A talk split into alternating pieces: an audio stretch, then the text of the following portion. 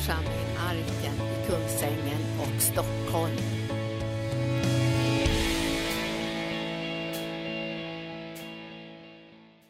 Och innan jag fortsätter att rita där lite grann så ska jag ta upp de två sidor som jag tänkte jag ville undervisa om idag. Den ena sidan är Guds natur och andens fruktar. Och den andra sidan är andens nådegåvor. Och andens frukter, alltså Guds natur, måste samverka med andens nådegåvor. Andens frukter beskrivs som nio i Bibeln och andens nådegåvor beskrivs också som nio. Och vi önskar att vi i arken ska börja flöda ännu mer i andens nådegåvor. Att vi ska kunna komma in i den här övernaturliga dimensionen av den heliga ande, både i vårt privata liv hemma, i vårt liv med varandra, i evangelisationen, i församlingsbyggande, att vi räknar med andens nådegåvor. Vi som arbetar i styrelse och andra områden här i arken, vi är ofta rådvilla. Vi är ofta rådvilla, men vi är aldrig rådlösa. För vi har tillgång till visdomens ord och kunskapens ord. Men vi kan känna oss många gånger rådvilla. Och många gånger när vi sitter till exempel i äktenskapsrådgivning, hur vi ska lösa ekonomiska saker, så är vi rådvilla därför att vi vet, vi som arbetar här, och det vet ni som tillhör församlingen, det naturliga räcker inte. Även om vi har jätteduktiga människor som kan ekonomi och människor som kan företagsbitar och som kan alla med lagar och allt sånt där, så räcker inte det. Därför vi måste få kontakt med en övernaturlig dimension. Och vi måste bli förtrogna med den heliga Andes nådegåvor. På ett övernaturligt, naturligt sätt. Så att det inte blir överandligt eller konstigt eller pressat eller där människor blir manipulerade och styrda profetier. För vi ska inte bli styrda profetier utan vi ska bli ledda av den heliga Ande och drivna av den heliga Ande. Men profetians gåva är ju den gåva som Bibeln säger så här, sök nådegåvorna, sök överflöd av nådegåvor, men sök framförallt profetians gåva.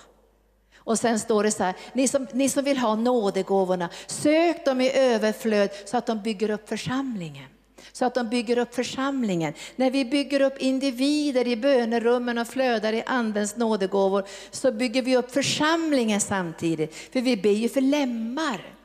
Så när vi ber för syskon som kommer från andra församlingar, det kommer ju mängder med människor från andra församlingar här, då ber vi också när vi flödar i nådegåvorna och bygger upp dem, så ber vi ju också att de ska vara med och bygga upp sitt sammanhang. Att de ska få bli den här lämmen. Vi känner ju inte de församlingar som de tillhör, men vi kan bedja att de ska vara med och bygga församlingen. Så vi ska börja med att titta på andens frukter. Därför att om andens frukter inte finns närvarande och om vi inte ber om helgelse, då kan det här med andens nådegåva bli jobbigt. Därför det kan, bli, det kan, det kan kännas fel. Därför att Guds natur ska ju bära andens gåva. Och man ska få en mötesplats med Jesus. Och jag är så tacksam till Gud att, att ni som är med i församlingen Arken har lärt er att pröva också. Vi kan pröva det profetiska, vi kan pröva flödet av nådegåvorna. För det första vi prövar är det, för det till Jesus. Visst är det det första? Vi frågar oss så här, kommer vi älska Jesus mer av det här, när vi får del i det här?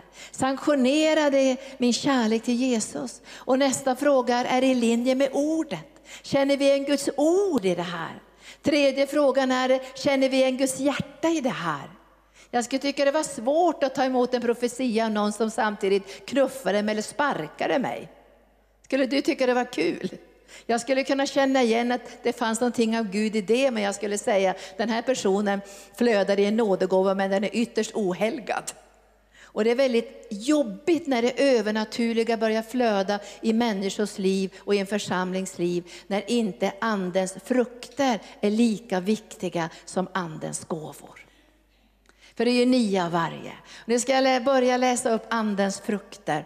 Därför när Gud verkar så blir det de här manifestationerna i form av frukt. Och när andens nådegåvor verkar så blir det andra manifestationer. Men när anden verkar i, i, i det här som är fruktbärande, då kan du och jag pröva det här inför Herrens ansikte och pröva också oss själva utan fördömelse. Jag tror ju inte på fördömelse. Att när vi börjar eh, pröva våra egna liv så ska vi bli fördömda eller må dåligt eller jämföra oss med andra. Utan vi ska inte jämföra oss med någon annan. Utan vi ska bara säga Gud, det här behöver jag mer av. Tack Jesus att du sa det här till mig, för jag behöver mer av det här. Och i Galaterbrevet kapitel 5 så står de här frukterna. Och de första tre frukterna, de, de vet vi ju allra mest om. Och det är nästan samma med nådegåvorna. Vi vet allra mest om tungotal, uttydning och profetia. Alltså där är vi i ett flöde.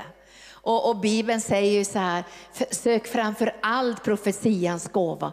Varför är han så mån om profetians gåva? Jo, för Gud vill att vi ska prata in i människors liv, tala in i människors liv, så de ska få veta vem Gud är, hur god han är. Därför man kan knappt tro på helande om inte man för att Gud är god. Hur ska man kunna tro på kunskapens ord om inte man vet att Gud vill en väl? Och hur, hur, kan man tro på att Gud ska gripa in med ett mirakel om man inte har hört att han är god? Så när den heliga ande faller på pingstdagen, kommer ni ihåg, då föll inte anden som ett moln. Eller han föll inte bara som någonting allmänt, han föll som en eld. Och tungor av eld. Det här betyder att du och jag som individer och som Guds församling får vara Guds tunga i den här världen. Vet du, det fyller mig med Guds fruktan. Tänk att få vara Guds tunga. Han har kallat oss att vara hans tunga.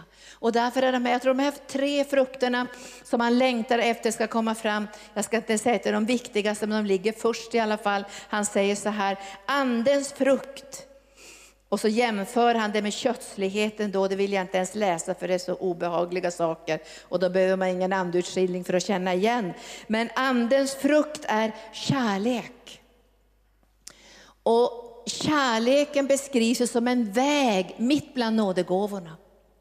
Tolfte kapitlet, första Korinthierbrevet handlar om nådegåvorna, trettonde kapitlet handlar om kärleken, fjortonde kapitlet är handledning hur vi ska få använda de här nådegåvorna. Men kärlekens väg, och då vet du som har läst kapitel 13 i första Korinthierbrevet att kärleken är tålig och mild och den brusar inte upp och den är inte avundsjuk och den söker inte sitt och den, den söker inte efter hämnd och sådana här saker. Och det står att, att allt annat ska förgå. Tro, hopp och kärlek finns kvar. Men störst av allt är kärleken. Störst av allt är kärleken. Och då vet ju du och jag, vi får ju bara ödmjuka oss och säga, allt som du och jag får göra i den här världen är bara bitvis, det är bara bitar, det är bara brottstycken. Vi är, vi är delaktiga i vissa saker, andra är delaktiga i andra saker. Paulus säger, jag bygger och, och, och de andra planterar, men det är Gud som ger växten. Och det står i första Korinthierbrevet 13, allt är ett styckverk. Vårt profeterande är ett styckverk, en liten stycke. Allt är bara bitar, bitar, bitar, bitar. Och därför behöver vi många, många människor och mycket nåd för att få en hel bild. Men här ser vi kärleken, glädjen och friden.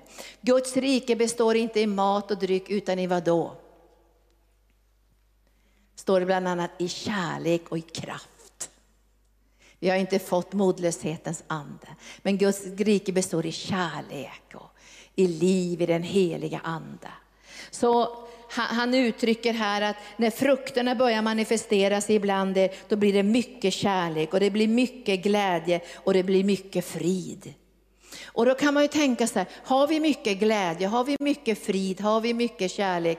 Och då kan vi tycka, men det har vi ju till en del, men vi kan ju alltid få mer. Eller hur? Tänk att vi kan be och säga, Herre, vi behöver mer av din kärlek, vi behöver mer av din glädje, vi behöver mer av din frid. Och så säger Bibeln, vad helst vi ber om i Jesu Kristi namn, det ska ni få. Och så säger jag, jag vill att ni ska bära mycket frukt, säger han. Så han står ju på vår sida.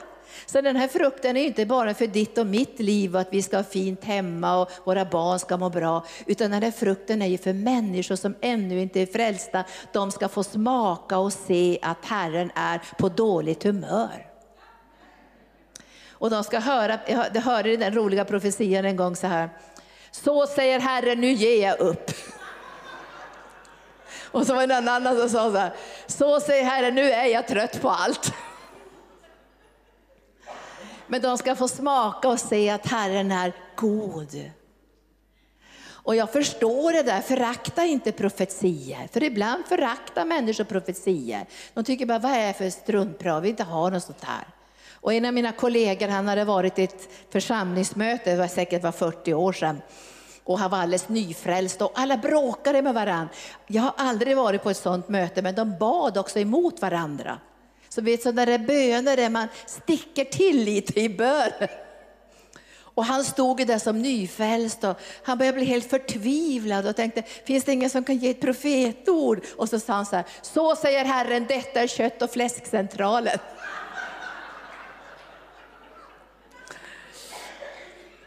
Men jag tror att när de profeterade på, på pingstdagen, då står det, de fick höra om Guds mäktiga gärningar. Och de fick ett, jag börjar skratta när jag tänker, fick ett, de fick ett styng i sina hjärtan.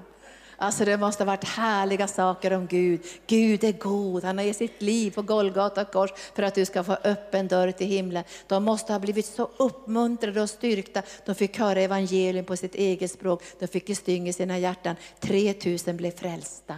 Inte av kött och fläskcentralen, utan Guds härliga andutgjutelse. Kärlek, glädje, frid. Vi vill ha mer av det. Och sen står det också de här fina orden tålamod, eller man skulle kunna säga så här, att vara uthållig. Att man är tålmodig och uthållig. Vi ger inte upp, inte i våra relationer, inte i församlingslivet. Vi ger inte upp, för vi har fått en frukt som är tålamod. Och jag tror ibland att när saker och ting inte riktigt bryter igenom så blir vi frustrerade. Har du känt det? Frustration. Och jag vet att frustration kommer på köttets gärningar efter ett tag. Det blir split och kiv och bråk och partisinne och söndring och kotterier. Därför frustration gör att man, man vill liksom bryta mark själv. Men Herren ska ju gå före och krossa de här portarna och, och de här höjderna. Man får låta Gud gå före. Och när Gud går före så måste jag ödmjuka mig under Guds mäktiga hand. Jag måste säga, Herre, det är du som ska göra det. Jag måste lita på dig, Herre. Därför annars kommer man in i frustration och det är jobbigt när vi blir för, väldigt frustrerade. Jag tror vi kan ha andlig krigföring och då kan vi ha lite frustration i bönen. Men när vi möter varandra får vi inte uttrycka den här frustrationen. För vem kan hitta på saker? Vem kan öppna dörrar? Vem kan leka Gud? Det är Gud som ska göra det här ibland oss. Och därför jag ber själv att man ska ha, kunna ha tålamod och då tänker jag så här, Gud kan göra mera på ett år i mitt liv än han kanske kunde göra på tio år. Om jag böjer mig under Guds mäktiga hand. För jag är så imponerad av Jesus, tre år i offentlig tjänst. Och han gjorde mycket, mycket mer än någon som har gått där hundratals år. Därför han var komprimerad och lydig och överlåten till Gud. Så jag, jag ber mycket, vi ska inte ha frustration, det är så jobbigt med frustration. Och så börjar vi anklaga varandra, varför gör ni inte det där och varför kommer ni inte där? Och så börjar vi lägga bördor på varandra. Men Jesus säger, min börda är lätt. Men hans ok är också milt. Men vi bär börda ihop med honom. Och jag träffade ju för en tid sedan en amerikansk förkunnare som sa till mig, Linda du måste titta efter de som har bördor. Fråga vad finns det för börda? Vad bär de för börda? Inte någon tung börda, men vad är det som stimulerar dem och driver dem och påverkar dem in i arbetet? För då kommer du att se att det finns väldigt många olika gåvor. Så styrk det och elda under det så att det får bli en positiv upplevelse av att bära, bära en börda och inte frustration. För när jag kom till Indien första gången kände jag som frustration, så jag nästan kände mig utbränd bara jag landade på flygplatsen. Det var ungar överallt som tiggde. Det här är ju många, många år sedan. Handikappade, blinda, de hade bränt ut deras ögon och de gick och bar på bebisar som knappt hade kommit ut ur livmodern. Satt och tiggde överallt. Alltså det var en sån nöd så jag kände, det är ingen idé vi gör något här. För vad vi än gör blir bara en droppe i havet. Och bara kände mig frustrerad. Men då sa Herren, ni ska inte göra allt, men det ni ska göra ska ni göra bra. Och ni ska fokusera på det som jag kallar er att göra och det ska ni göra bra. För där kommer min smörjelse och min kraft vara närvarande. Och är ni trogna där så kommer ni också kunna påverka större saker. Och då släppte den där frustrationen. Vi behöver inte göra allt. Men det han har kallat oss till, det ska vi göra. Så då ser vi här tålamod, vänlighet och godhet. Visst är det vackra frukter? När man möter vänlighet och godhet. Och så står det de tre sista frukterna, mildhet. Jesus säger, jag är mild i hjärtat. Och sen står det trofasthet och mildhet och självbehärskning. Trofasthet. Trofasthet är ju också en otroligt viktig så säga, kvalitet som du och jag måste lita på när det gäller Gud. Alltså vi måste lita på att Gud talar sanning. Alltså jag måste tro att Gud är trofast. Även om det stormar så att man knappt kan hålla i hatten, så måste jag tänka att Gud är trofast. Och mitt andningsankare är inte mitt ankare. Jag, har inte, jag är inte buddhist, att jag har mitt andnings, ankare i, mitt, i min andning. Eller jag, läs, jag har läst nu när jag var i Spanien, läste jag två böcker om mindfulness i skolan. De håller på att introducera mindfulness i skolan. Och då hade de bland annat en visualiserings, beskrivning där. Hur man skulle hjälpa barn att visualisera om de hade oro. Och då skulle de säga, tänk på en stjärna nu en vacker stjärna. Tänk hur det varma ljuset flödar nu in i hela din kropp från den här stjärnan. Se hur det här ljuset fyller dina tankar, ljuset från stjärnan. Vill ni ha sånt till barnen? Nej. Vi önskar att vi ska kunna säga Jesus har omsorg om dig. Han har lovat att aldrig lämna dig och aldrig överge dig. Han är med dig alla dagar. Han är din herde. Och nu ska du få ligga på den här gröna ängen och bara njuta av hans närvaro. Lyssna du till det pålande vattnet. Sånt vill jag ha. Och jag måste tro på Guds trofasthet. Och vi människor är ju lite skakiga ibland, så vi kanske inte alltid kan lita på varandra på grund av att vi inte kan styra över våra liv på det sättet. Att det kan hända saker och någon faller och bryter lårbenshalsen eller någon får någon annan grej och så. Det kan hända saker, men i vår ande är vi trofasta, eller hur? I vår ande är vi trofasta, för vi måste kunna lita på Gud. Så då, då börjar jag säga så här att det här atmosfären, ropar vi till Gud, vi har den redan i arken, men det ska bli ännu mera. Alltså vi ska inte, åh vi har ingen kärlek, vi har massor med kärlek. Vi har massor med frid och massor med godhet, men vi vill ha mer. Och varför vill vi ha mer? Jo, därför att när människor kommer hit så måste de få smaka det här. Och då får det inte bara räcka så jag med lilla korg här, det är bara till mig och min familj det här. Utan det ska bli ett överflöd av andens frukter så vi kan säga till en människa som har varit utsatt för sexuella övergrepp som kommer hit, du ska få smaka Guds godhet.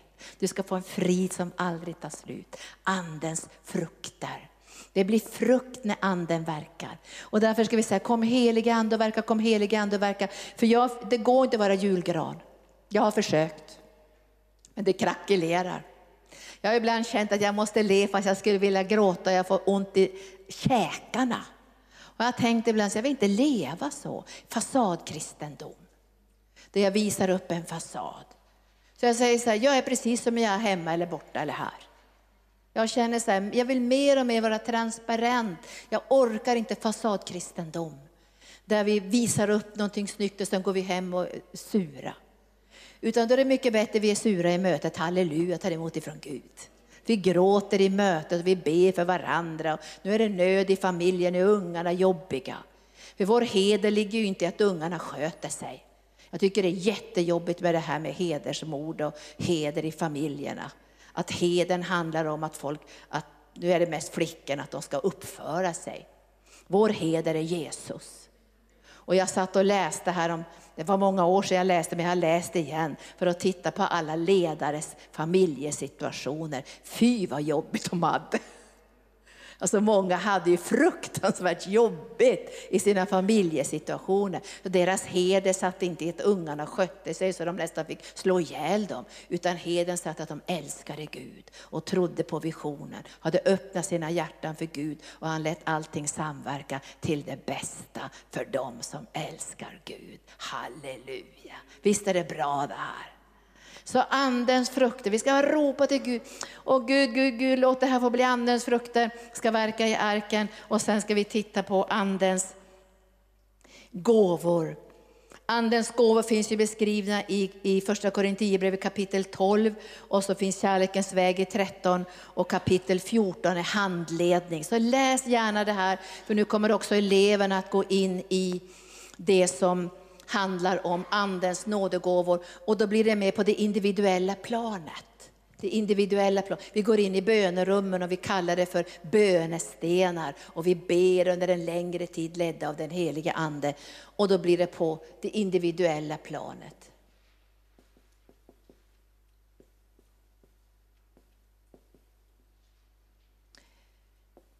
Jag och Jesus. Vi vet ju att det allra, allra, allra, allra viktigaste är att en människa blir född på nytt, eller hur? Så, så, när vi flödar i Andens nådegåvor så finns det en väldig betoning också på mötet med Gud. Du vet tungotalet, du kan ju läsa om det, då talar vi direkt till Gud. Hemligheter. Alltså jag talar jättemycket i tungor, hela tiden nästan. Och det kommer ut i min ande, tack Jesus, tack Jesus. Men det är ett tungotal i botten.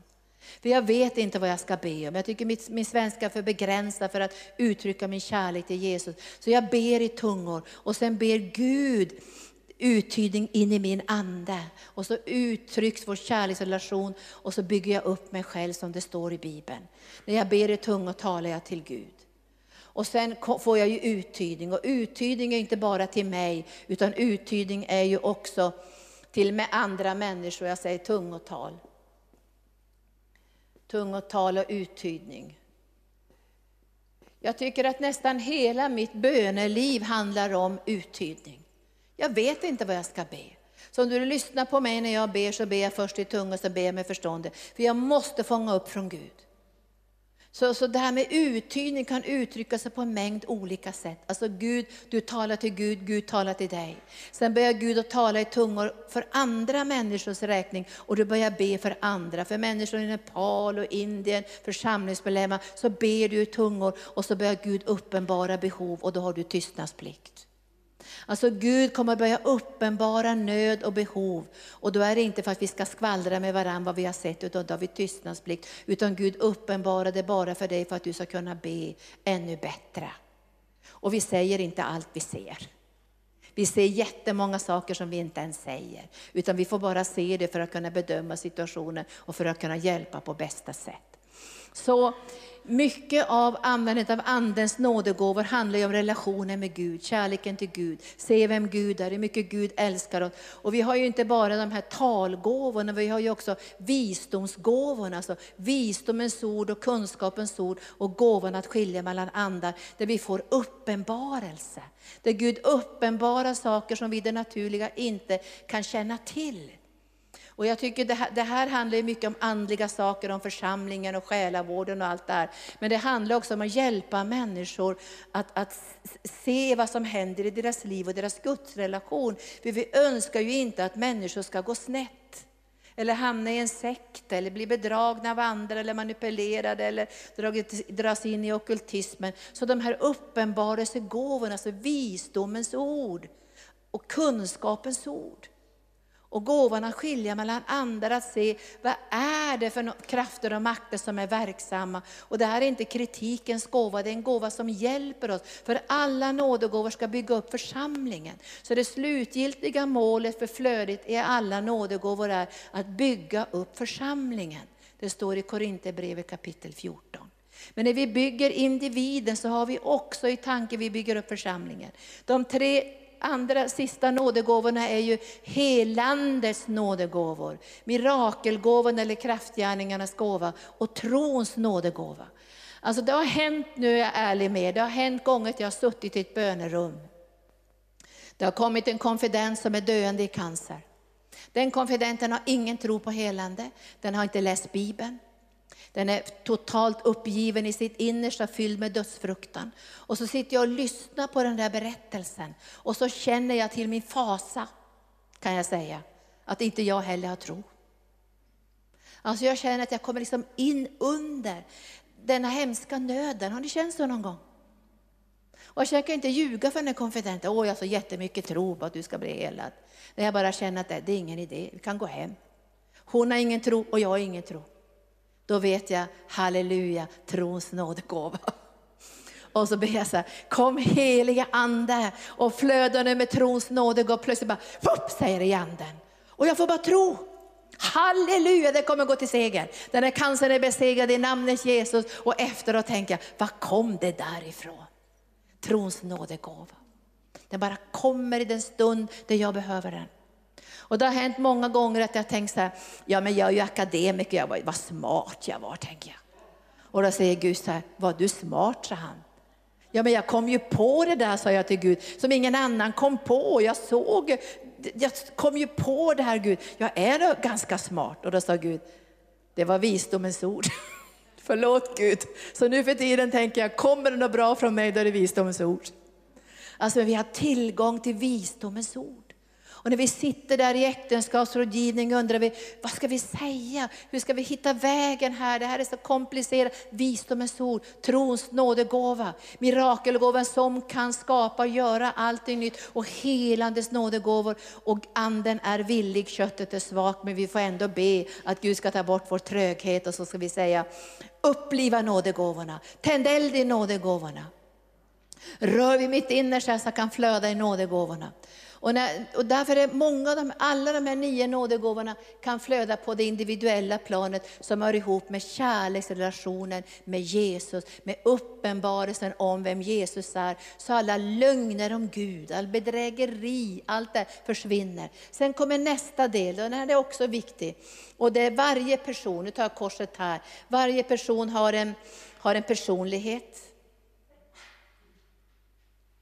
Varje, varje person har grundgåvor, alltså nedlagda gåvor. Som finns ända sedan födseln. Jag tror det är Gud som lägger ner det, för han har skapat oss och sett oss innan vi finns. Och sen finns det också andliga gåvor. Andliga gåvor och utrustning och kan säga kallelse. Och så kan jag säga visioner. Och när vi ber med Andens nådegåvor och flödar i den heliga Ande, då får vi ju uppenbarelse om människors gåvor och kallelser. Och, och vi får profetiska tankar om dem. Så när det profetiska kommer så beskriver inte det människans situation nu. Utan det profetiska beskriver vad Gud har tänkt för henne. Så det är mycket, mycket häftigare och underbarare och härligare än vi ens kan tänka med våra sinnen. För det som inget öga sett, inget öra hört, inget hjärta kan tänka ut, det har Gud berättat för dem som älskar honom. Och jag har varit med om gånger när jag har känt människor det naturliga och vetat om att de har levt i synd. Och jag tänkte, blir det en profetia så blir det väl en förmaning. Och så kommer det världens underbaraste ord. Och man tänker, vad var det där? Det är Guds nåd som fostrar människor att avsäga sig all ogudaktighet. Och när det kommer fantastiska ord om framtiden och Guds drömmar, då börjar, börjar både du och jag känna, att det här vill jag lägga undan. Det här vill jag inte hålla på med. Det här vill jag inte ska hindra mig. Nu måste jag ställa mig i, i, i position för att ta emot ifrån Gud, för den här underbara kallelsen vill jag inte missa. Så när, när gåvorna flödar med kunskapens ord, visdomens ord, helandes gåvor och profetians gåva är ju uppmuntran, uppbyggelse och tröst. Uppmuntran, uppbyggelse och tröst. tröst. Det lyfter våran blick och det undervisar oss om vem Gud är och om den väg som vi ska vandra. Och så kommer det mest fantastiska saker här och vi får se det tillsammans med Gud, då måste vi som förebedjare veta att det här handlar inte bara om det individuella och privata. Men nådegåvorna flödar där och mycket av vårt arbete i bönegrummen ligger på det här planet. Vi har människor som kommer utifrån, människors församlingar som vi inte känner, bakgrund som vi inte känner. Så vi flödar mycket i det individuella, men vi glömmer inte heller det kollektiva som handlar om församlingen. Församlingen är Guds idé. Det är ingen människoidé, det är Guds idé. Därför att församlingen är hans kropp. Och hans kropp måste ha många lemmar. Hans kropp måste ha ett hjärta. Hans kropp måste ha njurar, hans kropp måste ha lever. Så Gud gör ett verk och sammanfogar oss. Och det är ett mirakel förstår ni. Det är ett mirakel när Gud lyckas sammanfoga människor från olika kulturer, olika sociala sammanhang, olika utbildningsnivåer och så sammanfogar han dem för ett uppdrag som är större än deras egna liv. Och ingen ska kunna berömma sig vare sig de är doktorer eller professorer därför att det är en övernaturlig kallelse i den heliga Ande, ett gensvar från himlen. Och när Gud sammanfogar oss, om vi nu tänker bara till arken, för nu är det fler som ser mig, de tillhör andra församlingar, så lägger Gud andliga DNA. Alltså det finns ett andligt DNA. Alltså det finns en kallelse. Därför en församling har en kallelse. Det finns ett uppdrag där alla ska kunna passa in. Så ögat får inte säga, men jag är inte fot, jag tillhör inte den här kroppen. Nej, men jag är inte, jag är inte tå, därför vill jag inte vara i foten. Eller jag, är, jag har bara tå, så jag vill inte vara i foten, hur man nu kan snurra det. Men tänk om allt är öga, vad vore då synen? Nej, nu sa jag fel. Om allt är öga, vad vore då hörseln? Om allt är fötter, vad var då händerna? Och jag har gått och tänkt här i veckan när jag undervisat eleverna på två armar. Alltså en arm måste vara den här omsorgsarmen i arken. Omsorgen om församlingsmedlemmarna, kärleken. Och en arm måste kunna sträcka sig ut. För om båda armarna håller så här, då får vi ingen församlingstillväxt. Eller hur? Eller om båda armarna sträcker sig ut så finns det ingen som tar hand om de människor som behöver helande och upprättelse. Och om fötterna är amputerade så kommer vi aldrig ut.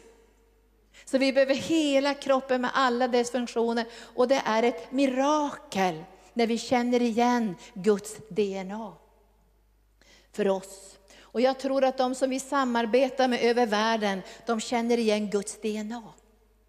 Och, och, när vi ber för människor och flödar i Andens nådegåvor, profetisk smörjelse, kunskapens ord, så ber vi också att de ska hitta och känna igen sitt andliga DNA. För det är många människor idag som inte känner igen det. Och de blir jätterädda och tänker så här, det är jag och Gud, det är jag och Gud, om jag skulle koppla ihop med någonting större, då kommer jag bli förminskad.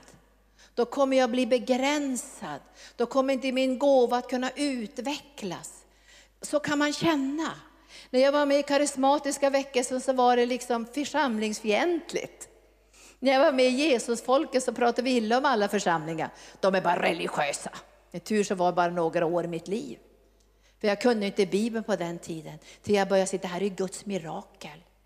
Och det är vi som tillsammans i ödmjukhet böjer oss under Guds mäktiga hand så att det ska bli det där klimatet där vi ska kunna växa och utvecklas. För när Gud kopplar ihop oss är det inte för att förminska oss, utan därför att det ska bli större härligare och mera utrymme. Och för att det här ska kunna ske, nu talar jag till oss här i arken, behöver vi tro.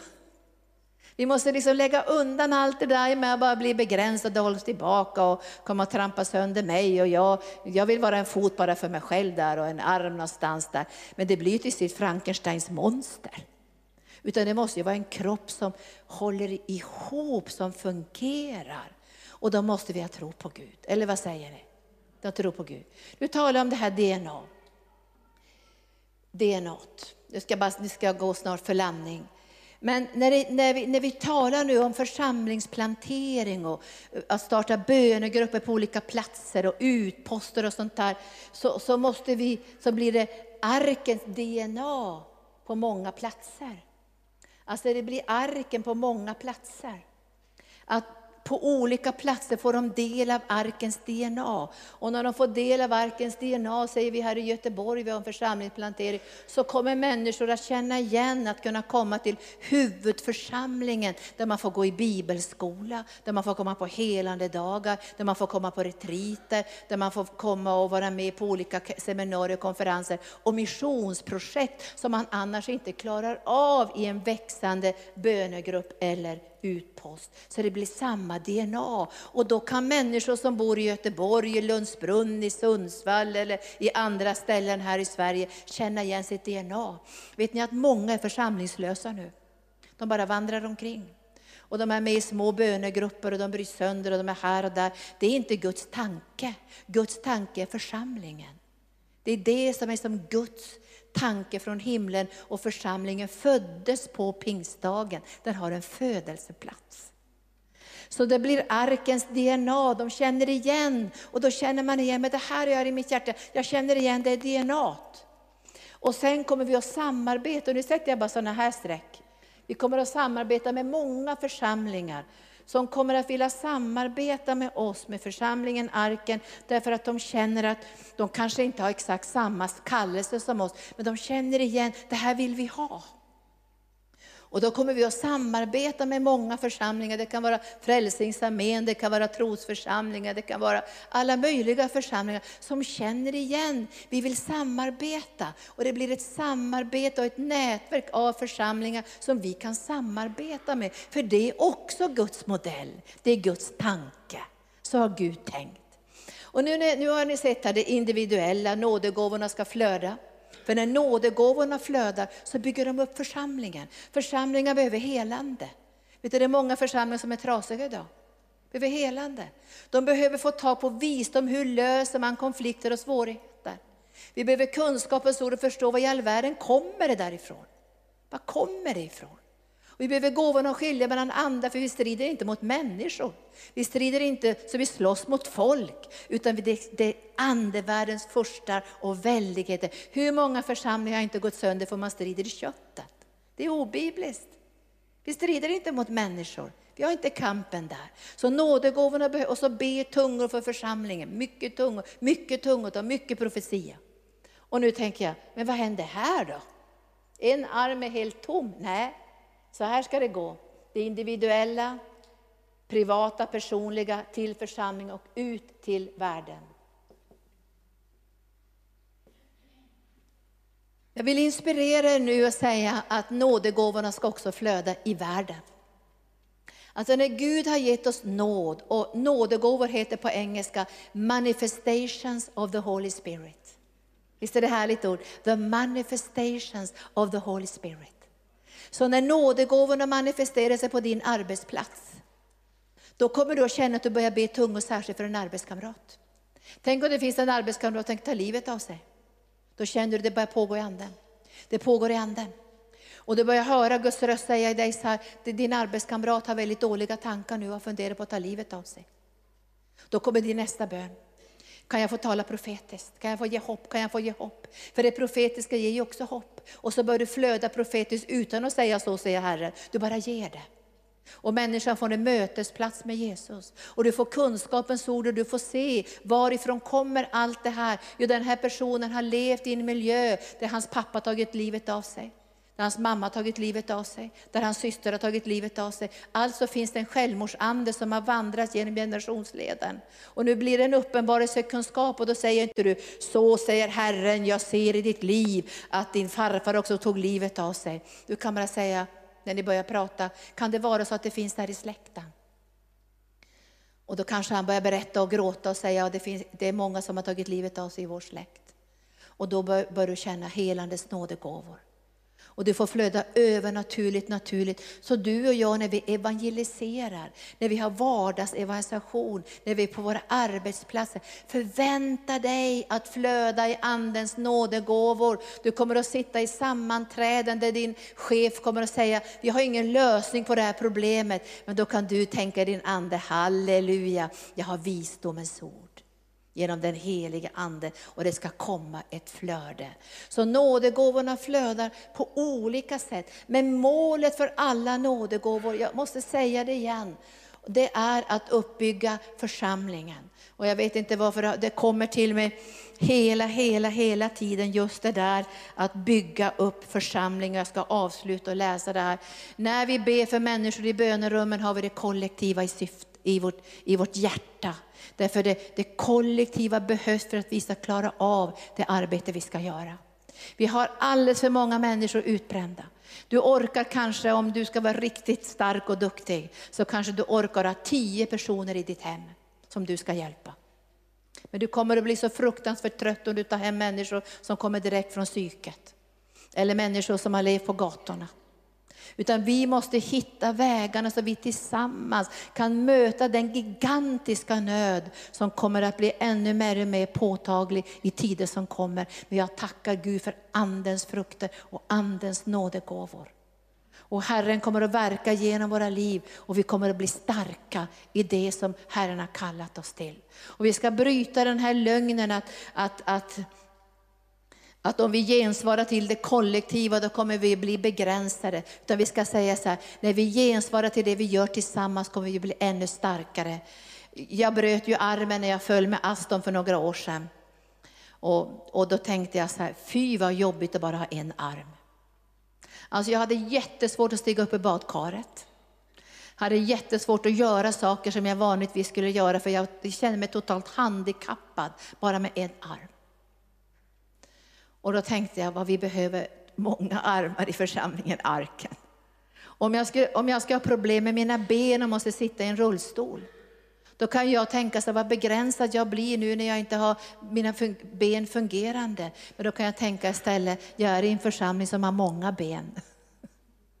Där är vi många som har ben. Och vi kan röra oss utåt. Och jag tänkte när jag bad för Abeba och för dig också, då tänkte jag så här, vi är, vi är där ute tillsammans. Om en är förebedjare hemma för att de andra åker på team, då är vi där tillsammans. Och vi får räkna välsignelser som vår, våra egna, fast de utförs genom någon annan. Halleluja. Så jag läser nu till sist ifrån första Korintierbrevet och jag läser ifrån den, den, elfte, den, jag läser ifrån den tolfte versen. Så är det också med er eftersom ni är så ivriga att få andens nådegåvor. Jag strök under det för jag vill ha mera iver. Att ni är så ivriga att få andens nådegåvor. Sök då sådana som bygger upp församlingen så att ni har dem i överflöd. Och jag tror just de där två orden, iver och överflöd. Vi ska ha överflöd. Människor ska inte bli manipulerade, de ska inte bli styrda, de ska inte känna obehag när de möter oss, när vi flödar i Andens nåd och gåvor. De ska känna Guds kärlekssmörjelse. Och Paulus han säger så här, om ni alla profeterar och någon kommer in och hör profetorden, då kommer han att falla på sitt ansikte i tillbeden och säga, Gud är verkligen ibland er. Så när vi flödar i Andens nådegåvor, när vi flödar i den här frukten av den heliga Ande, då ska inte människor tänka att de har gått på skärmkurs i arken. Nu har de fått lära sig någon teknik, utan de ska säga, nu är Gud verkligen ibland er vi har märkt att Gud är verkligen ibland er. För det här klarar inte ni i egen kraft. Var kommer det ifrån? Då kan du och jag säga, det är Herren manifestationer av den heliga Ande. När Anden manifesterar sig är det tungotal, uttydning, Gud vill tala i profetiska ord. När Anden manifesterar sig så flödar visdom och kunskap. När Anden manifesterar sig så kommer också gåvan att skilja mellan andar. Vi ser falska änglar och Guds änglar. När Anden manifesterar sig blir det helande, då blir det tro, då blir det mirakel. Så vi är aldrig rädda för den heliga Ande. Nu ska jag lämna över bönen alldeles strax till Anita och Torbjörn. Men jag vill säga något gott om Torbjörn nu. Jag kom från Finland och hade jättestressigt.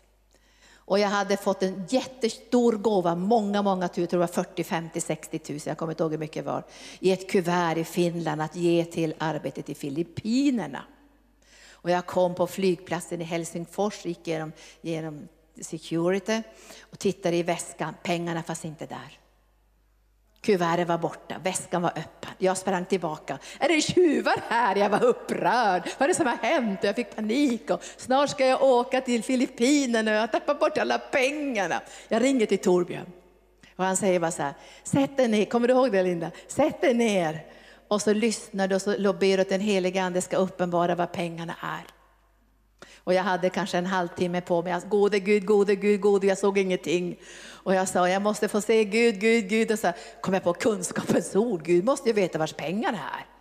Så jag sa, helige ande, helige ande, nu löser jag, och jag säger alltid löser, nu löser jag kunskapens ord. Nu kan inte jag bestämma över Gud, men jag löste det i tro, för vi har ju lösenyckeln. Och så förväntade jag mig att det skulle komma. Och så såg jag det. Jag satt på mötet. Och jag, jag såg hur jag stoppade ner ett tjockt kuvert i min svarta väska. Men när jag tittade mera noga såg jag att det var en annan kvinnas väska som jag stoppade ner pengarna i. Men den var svart i alla fall. Och jag ringde till Torbjörn och sa, jag har sett vars pengarna är, du måste ringa till Finland. Och så måste du smsa mig på en gång när jag kommer till Filippinerna så jag får reda vars pengarna är. Gissa vad de var? i en annan kvinnas väska, men tack gode Gud att hon inte trodde att det var en gåva från himlen. Utan hon förstod att det hade skett en förväxling. Men tack gode Gud. Jag, jag, tror ibland att vi kan få lösa ut gåvan fast vi slarvar. Men för det mesta ligger det inte på det planet, men Gud är god. Så nu ber jag heliga Ande att vi i arken från och med idag ska bli trygga med den här vardagsevangelisationen och vara så medvetna om att Andens nådegåvor finns tillgängliga.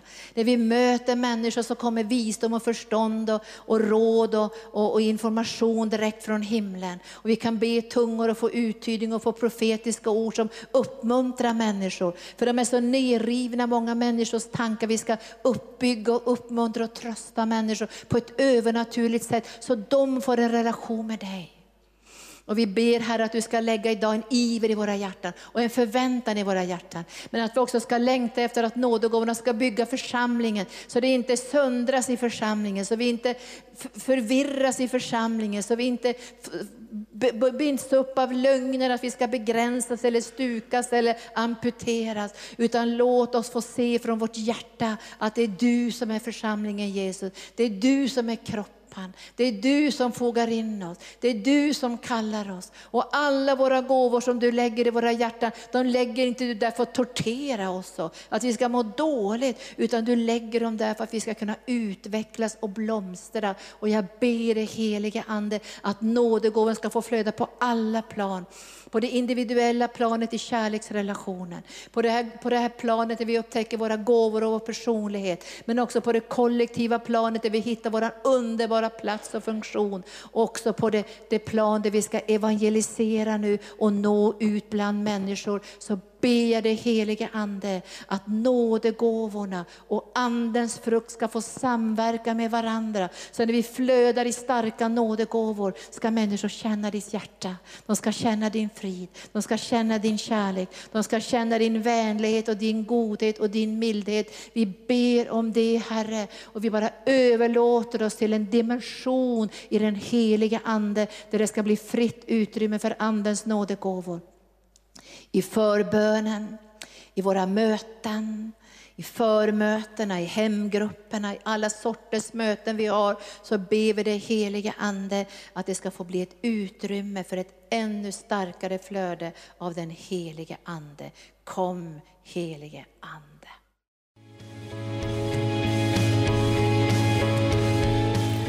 Tack för att du har lyssnat. Vill du få del av mer information om församlingen Arken, vår helande tjänst, bibelskola och övriga arbete, gå in på www.arken.org.